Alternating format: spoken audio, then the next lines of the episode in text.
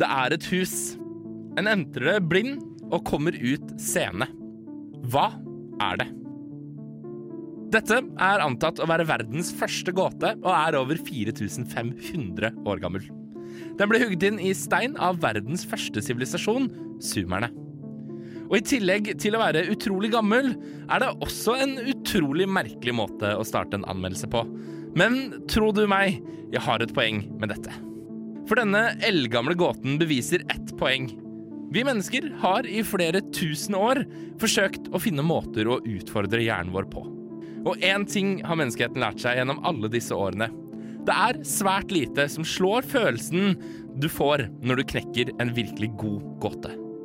Kanskje er dette grunnen til at spill som The Witness, Portal 2 og The Room står igjen som noen av mine best huskede spillopplevelser. Og nå er et nytt slikt gåtespill i ferd med å risse seg inn i gåtespillenes steintavle.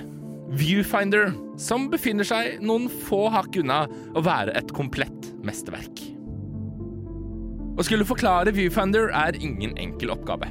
For dette er et spill som er så visuelt at ord rett og slett ikke virker tilstrekkelig. For de sier at et bilde sier mer enn 1000 ord, og i Viewfinder er dette bokstavelig ment. Premisset i Viewfinder går enkelt forklart ut på å bruke fotografier for å løse forskjellige utfordringer. Og I praksis gjøres dette ved at du holder opp bilder av fysiske objekter som du så kan plassere rundt omkring i nivået. Holder du f.eks. opp et bilde av en bro over en avgrunn, blir broa fysisk plassert inn i nivået, akkurat slik du så det på bildet. Og dette gjelder ikke bare for bruer. Du kan replisere batterier, trapper eller hele segmenter av baner for å snike deg forbi veisperringer og over avgrunner, flytte maskiner eller lage lange, sammenhengende løkker av flere bilder for å nå uante mål. Og selv om dette høres veldig komplisert ut, er dette i utgangspunktet et ganske enkelt konsept. Et av typen du fort kan gå lei av i løpet av kort tid. Men den skotske utvikleren Sadal Studios utvider fort verktøykassen din, slik at utfordringene stadig vekk blir nye. Det tar f.eks. ikke lang tid før du blir utstyrt med et polaroidkamera som lar deg ta dine helt egne bilder av omgivelsene rundt. Og det tar heller ikke lang tid før du leker deg med malerier, lyd og perspektiv. Og dette gjør at spillet konstant virker forfriskende. Du må nærmest mentalt nullstille deg mellom hvert enkelt nivå for å ikke bli stående fast. Og med så mange ulike verktøy i kassa er det utrolig fristende å bare leike deg rundt. Og faktisk så er dette mye av poenget. Du oppfordres til det. For det er mens du leker deg rundt med forskjellige løsninger, at du plutselig innser at det er det som må være rett måte å løse dette nivået på. Men dette er ikke det eneste Viewfinder bringer til banen. Spillet gir ordet nytenkende en ny betydning. Det er et kreativt mesterverk på så utrolig mange måter.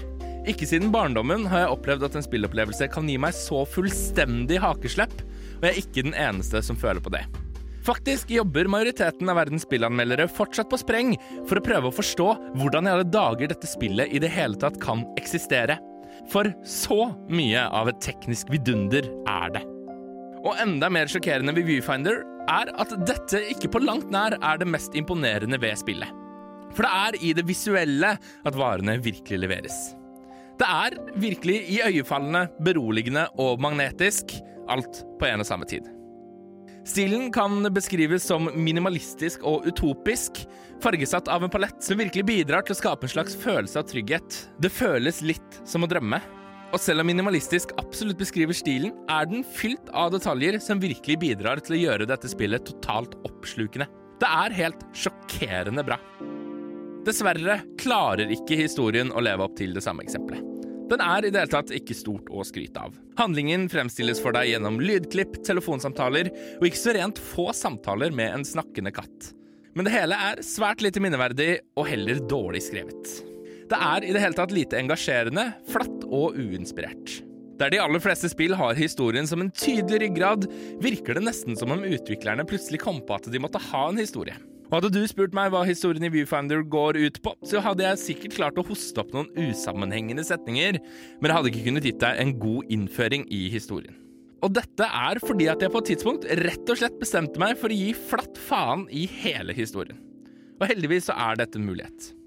Historien står rett og slett på sidelinjen, og spillopplevelsen din blir virkelig ikke dårligere av å flatt ignorere den.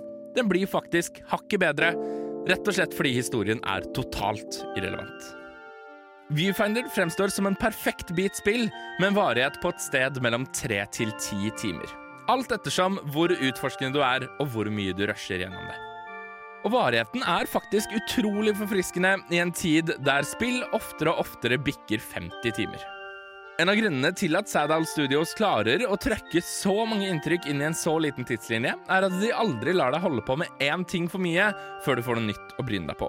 Dette fører dessverre til at jeg sitter igjen med en følelse av at jeg ikke har fått leke meg nok med de ulike mekanikkene, samtidig som dette også fører til at spillet på ingen måte virker gjentagende. Og at hvert enkeltnivå står frem med en kvalitet som er helt eksepsjonell. I det øyeblikket du føler du har mestret en mekanikk, får du en ny en å bryne deg på. Og Derfor blir det å kalle viewfinder repetativt en blank løgn. For hver eneste en av timene du bruker i dette spillet, er virkelig helt spesiell. Det virker rett og slett som om utviklerne sitter og puser deg nedover ryggen gjennom hele spillet. Det er rett og slett en ren nytelse. 2023 later til å bli et år der du aldri får muligheten til å lure på hvilket spill du skal spille. De store og veletablerte IP-ene og studioene står i kø, og de har gjort det i hele år. Det gjør dessverre at mange nok vil gå ut av dette kalenderåret uten å i det hele tatt få testet Viewfinder. Og dette er utrolig synd, for dette er en så fantastisk opplevelse med et visuelt uttrykk som er helt slående, innovative mekanikker og en eksistens som i og for seg er helt uvirkelig. Jeg klarer ikke å forstå at dette spillet faktisk kan eksistere, fordi det er et sånt mesterverk på alle mulige måter. Eller nesten alle, for det var denne historien, da. Den er verken innovativ, interessant eller strengt talt nødvendig. Hadde det ikke vært for dette tafatte forsøket på en historie, hadde Viewfinder uten tvil vært oppe og luktet på absolutt toppscore. Fordi jeg klarer rett og slett ikke å få anbefalt det nok. Og selv om historien er såpass tilsidesatt i spillet at du kan totalt ignorere den, må det dessverre bidra til å trekke ned spillet. Viewfinder ender derfor på 87 av 100 troikabarer, og jeg velger å ta av meg hatten for både skotske Sadal Studios og norske Nok Nok Audio, som har laget musikken i dette spillet, som vi har fått nyte gjennom hele denne anmeldelsen. For her er det rett og slett snakk om et utrolig godt håndverk. Og skulle du lure på svaret på den sumerske gåten i starten, så er svaret en skole. Så veit du det.